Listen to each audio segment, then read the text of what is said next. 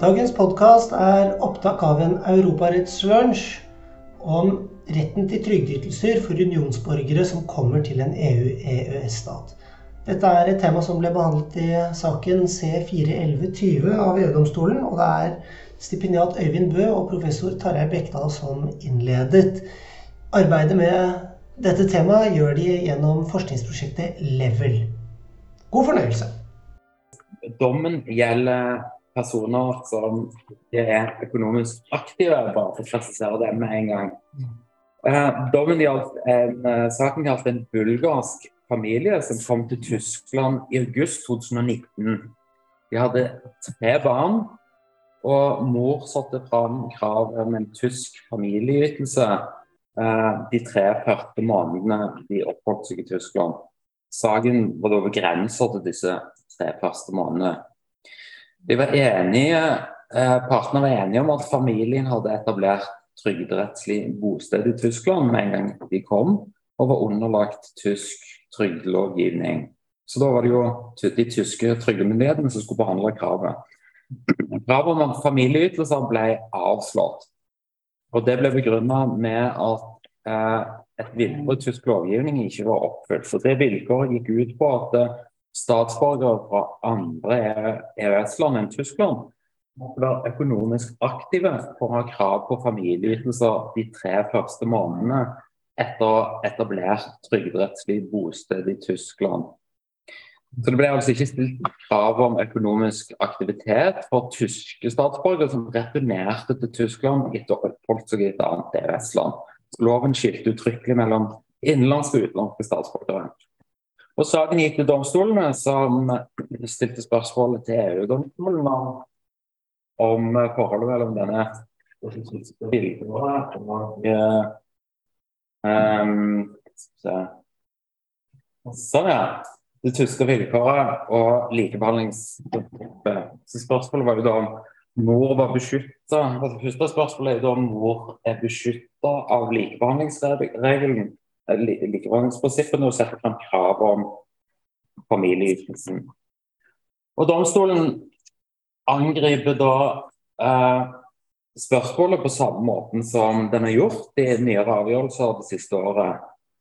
Den bruker nemlig bestemmelsene om likebehandling i trygdeforordningen og unionsborgerdirektivet, istedenfor å bruke primærrettens bestemmelse om likebehandling direkte, artikkel 18 i Uh, dette er jo i tråd med tidligere praksis, så jeg sier ikke mye mer om det.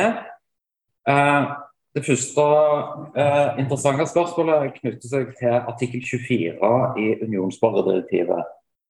Og bare for å gi alle en liten intro til, til den bestemmelsen, så gir artikkel 24 nummer 1 gir rett til likebehandling til alle som oppholder seg på vertsstatens territorium på grunnlag av bestemmelsene i unionsborgerdirektivet.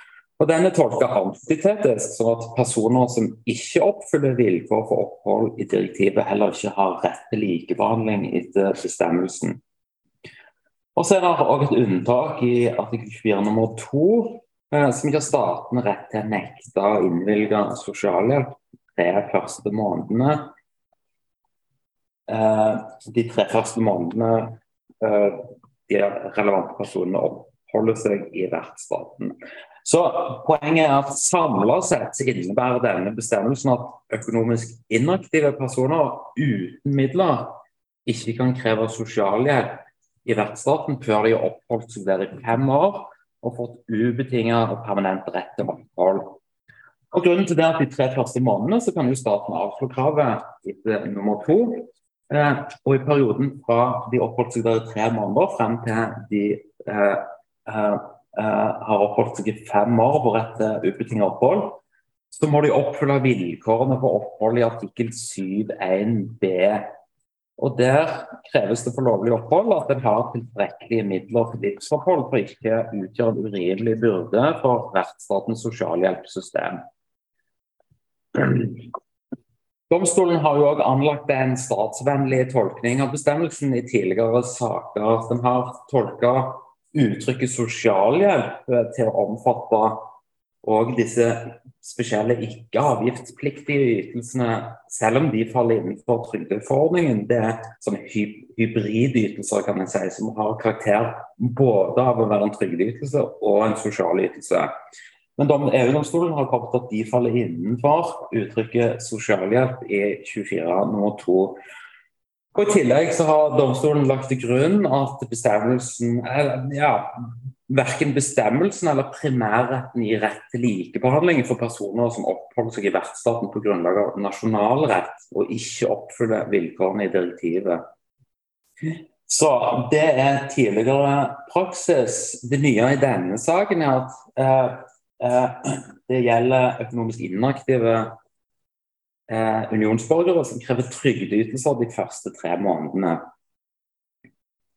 Og i eh, Det første spørsmålet domstolen tok stilling til her, var jo om Tyskland Nei, var om, eh, om, eh, om unntaket i artikkel 24 nummer 2 kommer til anvendelse. For Tyskland argumenterte for at unntaket kommer til anvendelse ikke bare på sosialhjelp i snever forstand, men på trygdeytelser generelt. Og De viste da til begrunnelsen for regelen at økonomisk inaktive unionsborgere ikke skal utgjøre en urimelig byrde på statenes sosialhjelpssystemer. Og Da sa Tyskland at vel, hvis personer uten midler krever trygdeytelser, så vil det jo utgjøre en tilsvarende urimelig byrde på trygdeordningene. og Derfor må det jo gjelde et tilsvarende unntak for, for disse ytelsene. Domstolen eh, eh det førte ikke fram. Domstolen fulgte generaladvokaten og slo for det første fast at sosialhjelp eh, eh, For det første fast at begrepet sosialhjelp det skal forstås som sosialhjelp. og Det omfatter ikke trygdeytelser generelt. Eh, men domstolen avviste òg at det finnes et tilsvarende Ja, sånn at bestemmelsen som sådan kom ikke til anvendelse for trygdeytelser. Men Tyskland argumenterte jo òg at det var et tilsvarende unntak for trygdeytelser og Domstolen avviste òg det, og viste da til ordlyden i artikkel 24 nummer 2, som eh, jo kun nevner sosialhjelp og ikke trygdeytelser. Og Den viste òg til ordlyden i en del eh, altså artikkel 14 nummer 1 i unionsborgerdirektivet, som sier at retten til opphold er i behold så lenge vedkommende ikke utgjør en urimelig byrde for sosialsystemene, og ikke en urimelig byrde for trygdeordningene. Så Domstolen viste ordlyden i forskjellige bestemmelser og i fortalen eh, til unionsborgerdirektivet. Så domstolen fastholder tidligere eh, rettspraksis at det er tilstrekkelig eh, Nei, nei, nei. Domstolen forholder seg da til ordlyden i direktivet. Så det er ikke noe generelt krav om at økonomiske inaktive uten midler er utelukka fra å eh, kreve ytelser de fem første åra i vertsstaten. Men etter da, så, så, konklusjonen til domstolen er at unntaket i artikkel 24 nummer 2 den gjelder ikke for, eh, det gjelder for trygdeytelser. Så gikk domstolen over til å se på likebehandlingsbestemmelsen i trygdeforordningen. Og Her eh, slo domstolen først fast det den har slått fast tidligere, det er at trygdeforordningen den koordinerer kun trygdeordningene. Den fastsetter ikke vilkårene for rettsytelsene. Det er det opp til statene å gjøre. Men domstolen sier som den tidligere sagt, at når statene fastsetter vilkårene, så må de fastsette vilkårene i tråd med EU-retten og med likebehandlingsprinsippet i artikkel 4a. så sier domstolen at likebehandlingsprinsippet i artikkel 4 det er ikke i veien for at statene stiller vilkår om lovlig opphold for rett til trygdeytelser. Eh, så det er kun personer med lovlig opphold etter eh, unionsborgerdirektivet som er beskyttet av likebehandlingsprinsippet i artikkel 4. Så det utgjør altså ikke forskjellsbehandling etter artikkel 4 å behandle unionsborgere uten lovlig opphold etter direktivet annerledes enn andre grupper. Og Dette er jo i tråd med tidligere saker. Det nye her, og spørsmålet domstolen står på her, var om eh, eh, opphold etter artikkel 6 i unionsborgerdirektivet om det utgjør den type lovlig opphold som kvalifiserer til eh, likebehandling etter artikkel 4. Så eh, Når det gjelder det siste spørsmålet om artikkel 6 i Ja, bare kan bare ta ordlyden. altså etter ordlyden i artikkel 6 så ser dere at den eh, overskriften er oppholdsrett i inntil tre måneder. Eh, og den gir jo etter ordlyden rett til opphold på territoriet i vertsstaten uten uh, andre vilkår eller formaliteter enn å ha krav om å ha et ugyldig identitetskort eller pass. Kommisjonen anførte likevel at artikkel 6 ikke gir rett til lovlig opphold som kvalifiserer til uh, uh, likebehandling etter artikkel 4. Eh, kommisjonen sa rett, artikkel 6 gir rett til lovlig opphold, men det utgjør ikke den type lov eh, Vedkommende har ikke en lovlig opphold som kvalifiserer til likebehandling, med mindre de oppfyller vilkårene i artikkel 7-1b i unionsborgerdirektivet som stiller krav om eh, at vedkommende har eh, tilstrekkelige midler til å forsørge seg sjøl. Og så kan en eh, spørre seg ja, komme litt tilbake til det. Men generaladvokaten var ikke overbevist om dette og mente anførselen fra Tyskland var litt forvirrende. Skille mellom lovlig opphold i 46 et slags begrep om lovlig opphold som kvalifiserer til likebehandling. Domstolen eh, sto bare egentlig på fast den at artikkel 6 den, er, danner grunnlag for lovlig opphold. Og Det gjorde dom, domstolen under preliminary observations, innledende eh, betraktningene i, i dommen. Så det virker som domstolen syntes dette var helt opplagt. Så Konklusjonen er jo at uh, økonomisk inaktive med oppholdsrett etter direktivet artikkel 7 nummer 1 er beskytta likebehandlingsprinsipp i artikkel 4. Og Så gikk jo domstolen over da, til å vurdere om det nasjonale vilkåret i strid med likebehandlingsprinsippet. Uh, den slo da fast at det var direkte diskriminerende. Uh, det var ingen uttrykkelige unntak fra likebehandlingsbestemmelsen i artikkel 4 av trygdeforordningen. Eh, og så konkluderte domstolen i avsnitt 69 med at eh, det betyr at artikkel 4 i trygdeforordningen eh, utelukker medlemsstatene fra å vedta den type lovgivning.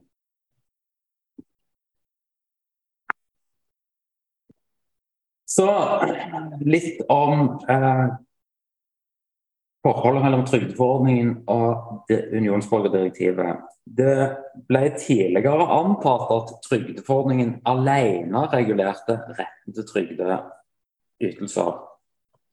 Eh, tanken var da at eh, artikkel 4 i trygdeforordningen ga rett til likebehandling. Eh, når en, eh, en person som er underlagt trygdelovgivningen i et land, setter frem krav om trygdeytelser.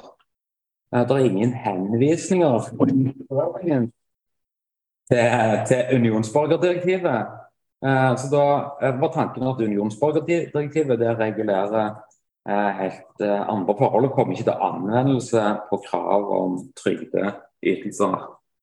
Men denne forståelsen den holder jo ikke lenger. Det er jo ikke den løsningen domstolen, eller den forståelsen domstolen legger til grunn. Domstolen legger til grunn at trygdeforordningen eh, vil koordinere trygdeordningene i eh, EØS-området. Regulere hvilken trygdeordning den enkelte er tilknytta.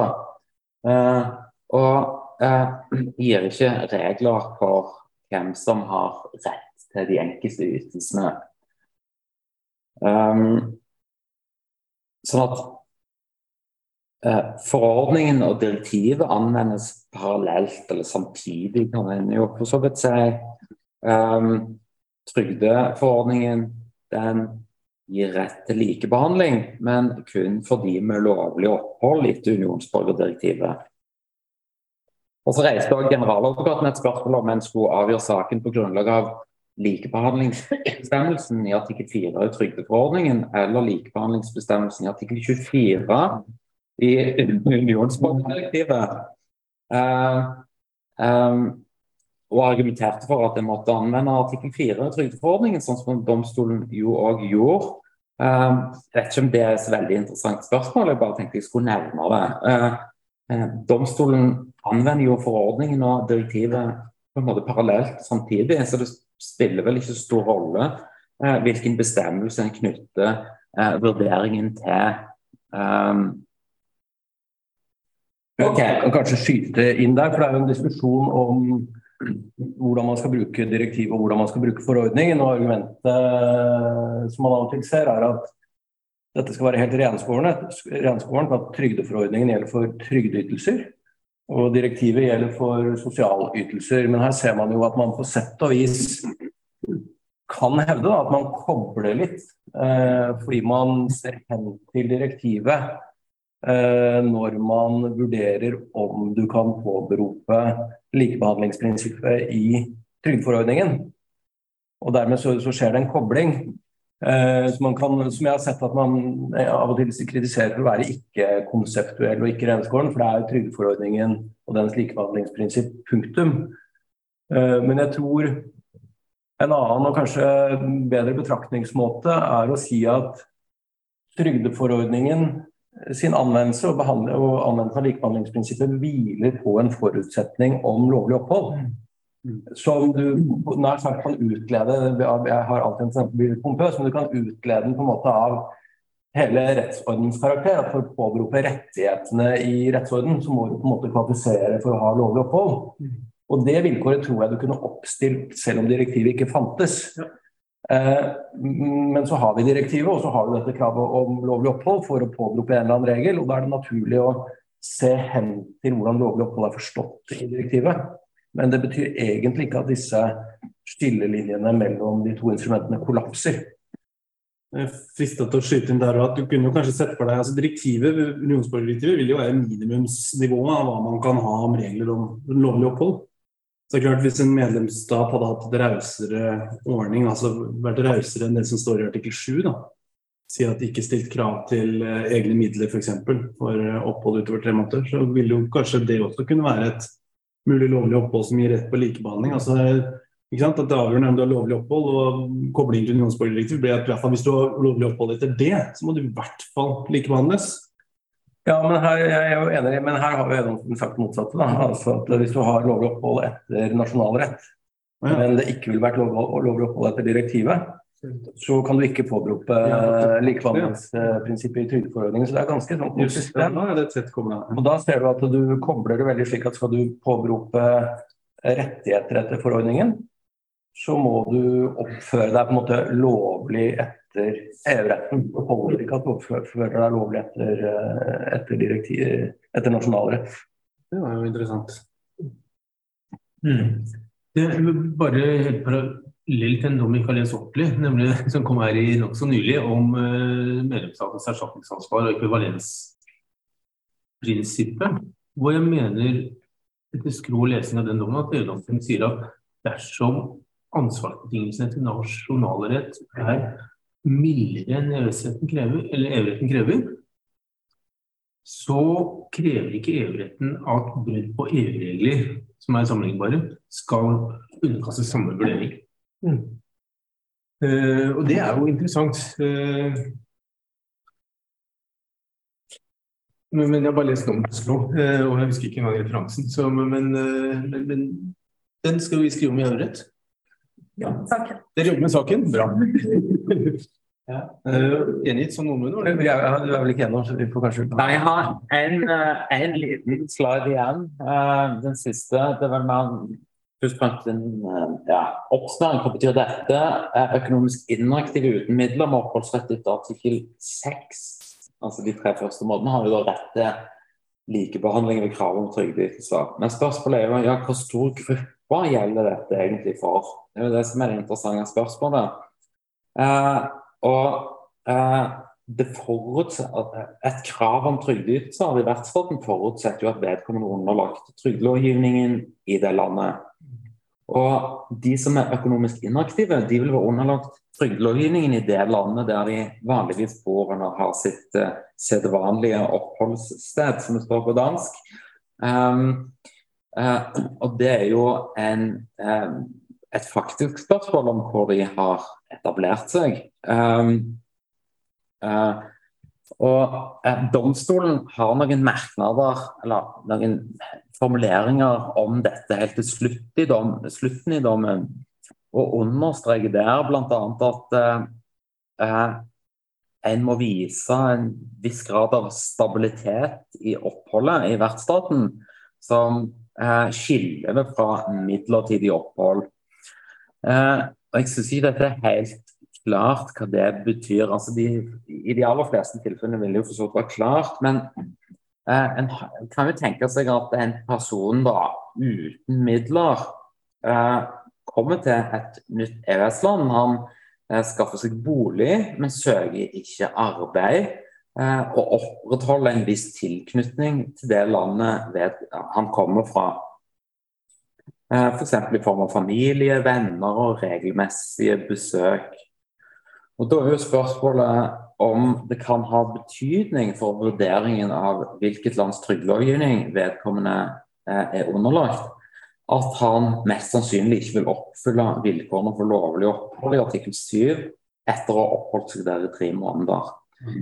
Vil oppholdet da ha karakter av et midlertidig opphold, eh, eller skal, har han ikke anledning til å se hen til artikkel 7 og vilkårene der? Skal en kun foreta en slags nåtidsvurdering eh, av hans intensjoner og hvor han har en eh, tette, hvilket land han har, han har en tettest tilknytning til på det tidspunktet eh, lovvalget vurderes, hvis en tenker seg at det vurderes rett etter ankomst. Jeg syns ikke det er helt klart. Ellers kan en tenke seg at en person eh, drar rundt i flere land i Europa, oppholder seg kun eh, ja, inntil tre måneder i hvert land, så har jo i og for seg alle de oppholdene isolert sett midlertidig karakter. Eh, men eh, det grunnleggende prinsippet er jo at vedkommende må jo ha tilknytning, eller være trygdemessig tilknyttet til ett land. Og Da er jo spørsmålet om vi skal plukke ut det landet vedkommende er tettest knytta til. Eh, og om vedkommende skal være underlagt det landets trygdelovgivning i hele perioden, eller om lovvalget skifter hver gang vedkommende drar til et nytt land. Så det er jo interessante spørsmål. Jeg kan jo kanskje skyte inn her at Det som jeg, jeg synes er interessant med dommen, er jo at rettighetene til de økonomisk inaktive er det mest kontroversielle pga. belastningen for uh, den finansielle stabiliteten av systemene. Um, men her så er det jo slik at man, man uh, kommer til et land, og for å ha krav på ytelsen, så må man altså oppfylle kravet om å være bosatt. Uh, og det som er litt fascinerende, er jo at det stort sett eh, bare er de økonomisk inaktive, eh, vil jeg tro, som i løpet av en tremånedersperiode kan oppfylle kravet om å være bosatt. De aller fleste andre eh, og som er økonomisk aktive, vil jo typisk ha en jobb eh, et annet sted. De kan kanskje ha et hus et annet sted. Eh, de har en stabil familiesituasjon et annet sted osv. Men hvis du er økonomisk eh, inaktiv og bare farter rundt, ja, da har du sjansen til å på en måte klare å etablere permanent bosted ganske fort. For det er ingenting som knytter deg til det stedet du kommer fra. Og så er det som Øyvind sier, at uh, egentlig så kunne man jo da vært frista til å si at hvis du uh, nær sagt uh, oppholder deg i et land to måneder om gangen, og så farter du videre, og sånn har du holdt på i 20 år, uh, så har du ikke tilknytning noe sted. Det er jo sånn vi kanskje ville tenkt bare rent praktisk. Men det som ligger i bunnen her, er jo at trygdeforordningen krever at du er knytta til ett land. Så den løsningen med å si at du, du er bare omreisende, den går ikke. Den er utelukka. Eh, så dermed så vil jeg tro at eh, kanskje særlig hvis du er omreisende og du kommer fra uh, et land hvor du heller ikke er statsborger, til et nytt land. Ja, da må du si, da må du jo egentlig treffe valget. da. Har du sterkest tilknytning til det landet du reiste fra? Hvor du sa opp hybelen din eller et eller annet sånt? Eller har du sterkest tilknytning til det landet hvor du har hybelen din nå, ikke sant? så derfor er dette ganske kontroversielt. Og domstolen la jo også til grunn i denne saken at den kvinnen det var snakk om, hun var bosatt i Tyskland og hadde krav på ytelser. Mm. Men det ja. Nei, jeg tenkte bare hvis du hadde noe til dette punktet, så må vi jo bare skyde. Ja, for det er vel tilknytning altså den, De økonomisk aktive som flytter til et annet land, men har jobber i landet de flytter fra de vil jo underlagt trygdelovgivningen der. Ja, fordi det følger. Ja. Så, det, så da så da har du Mm. Minner jo litt om den vurderingen du har når du skal trekke grensen mellom etablering og tjenester på dag én. Ikke sant? Ja, ja. Eh, er du der midlertidig, eller har du ikke det? Mm. Mm. Hvor, hvor, mange er det Hvor mange sånne omreisende er det egentlig som kan falle i den kategorien at vi klarer ikke å liksom foreta en, en, en, en eh, sound bevisvurdering på å plassere vedkommende tilknytning mest ene eller mest andre stedet. Og vi på en måte blir stående sånn her Jeg klarer ikke å si at det er mest tilknytning noe sted. Er det det? Jeg skjønner. I Europa sier det en ganske stor gruppe med mennesker. Jo, kanskje. Det kan vel også kanskje være noen her hvor det er eh, litt sånn De kommer eh, og vet jo ikke om de skal være økonomisk inaktive, eller om de kanskje skal få seg en jobb. Det er klart, Nå gjelder jo artikkel 7 eh, gjelder vel også for arbeidssøkere, iallfall en periode. men jeg jeg bare lurer på om det kan være noen situasjoner hvor man istedenfor å komme i en diskusjon om man er reell arbeidssøker, bare kan peke på at iallfall de tre første månedene så har jeg lovlig opphold. Og da skal jeg ha trygdeytelser. Jeg vet ikke om det ikke du har tenkt å begynne å søke arbeid, og istedenfor å da ha en diskusjon med lokale trygdeopplegg om du er reell arbeidssøker og dermed har lovlig opphold etter artikkel 7, bare si at ok, de første tre månedene er fant, så er det ikke noen diskusjon. Jeg vet ikke om det kan være noen sånne situasjoner som denne avgjørelsen kan forenkle, da, hvor det er helt klart at du skal flytte, du har tenkt å etablere et nytt liv et annet sted, eh, men hvor kanskje lokale trygdekassa vil mene at du er ikke reell arbeidssøker av ulike grunner. Nei, jeg tenker jo at hvis du søker jobb og ikke eh, mm. Du har jo noen muligheter til å få jobb. Så ja. det er eh, vanskelig å tenke seg at ikke lovvalget slår over. Ja. Det skal jo ikke så mye til. Uh, så jeg tenker dette så, så her er vel De tvilsomme tilfellene oppstår jo mer der det er relativt klart at uh, etter tre måneder, eller iallfall sånn som jeg tenker, etter tre mm. måneder så vil de jo ikke oppfylle De vil ikke være i arbeid, og de vil ikke oppfylle vilkårene i artikkel 7. Um, mm. Ja. Er det noe mer igjen på innledningen? Nei, det var, det var egentlig det jeg tenkte så si. Jeg tenkte bare jeg skulle kaste ballen over til Tage hvis han ville si noe på det siste punktet der. Ja, Betydningen for norsk trygderett. Jeg tenker at uh, hvis man hever blikket litt, da, så er avgjørelsen eh, interessant. Fordi den, den peker på en, en, en, helt grunnleggende utfordring. og det er at altså, Nav-pakken dreier seg veldig mye om folk som får ytelser av Norge, men så drar de vekk fra landet og får disse pengene et annet sted. Eh, men så har vi den motsatte situasjonen, altså rettighetene til alle de som kommer til Norge. Eh, og vi har veldig mange ulike eh, trygdeytelser i Norge. Og for alle disse ytelsene så vil du per definisjon ha noen kriterier som ekskluderer de som kommer fra å få dem. Fordi det er ikke sånn at du lander på Gardermoen, og så uh, har du full tilgang til alle ja, ikke sant? Du, har, du, kan ikke ha sånn at bare du lander på Gardermoen, så har du full tilgang til alle trygdeytelser.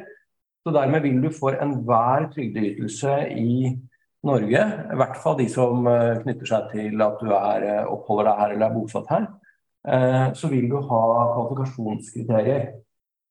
Eh, og alle de kvalifikasjonskriteriene må jo underkastes en vurdering opp mot likebehandlingsprinsippet. Eh, og ofte så vil det nok også være slik at kvalifikasjonskriteriene i loven er formulert strengere enn det som er tillatt innenfor EØS. F.eks. dette gjaldt jo barneytelser. Eh, og i barnetrygdloven så at du har krav på ytelsen når barnet er bosatt i Norge, som er greit. Men så står det i jeg tror det er paragraf 4b at du regnes som bosatt når oppholdet er ment å vare mer enn tolv måneder. Men det kan du ikke ha, ikke sant? fordi eh, trygdeforordningen sier jo bare at du er bosatt når du er bosatt. Eh, og hvor lenge du har tenkt å fortsette å være bosatt, det er helt irrelevant. Og også det vil være diskriminerende fordi det er ingen som spør. Jeg, har jo, jeg er nesten som barnetrygdgründer siden jeg har så mange barn. og som spør meg om barna mine har tenkt å være bosatt de neste tolv månedene. De pengene de bare kommer, selv om jeg ikke sant?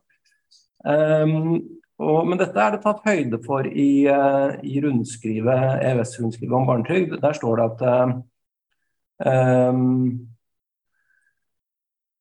Der står det at uh, forordningen har et annet bosettingsbegrep enn barnetrygdloven. Forordningen legger vekt på hvor vedkommende har sentrum for sine livsinteresser, og ikke på varigheten av oppholdet alene. Um, slik at personer som etter forordningen er bosatt i Norge, skal ha krav på barnetrygd fra uh, dag én.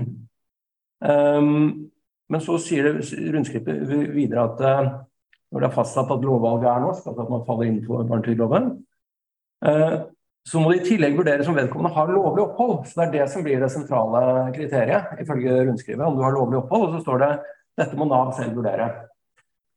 Og som vi ser, om du har lovlig opphold, denne dommen mm. handler jo om det. Og den sier at du har lovlig opphold etter artikkel 6. Mm. Eh, punktum. Eh, dersom du er bosatt.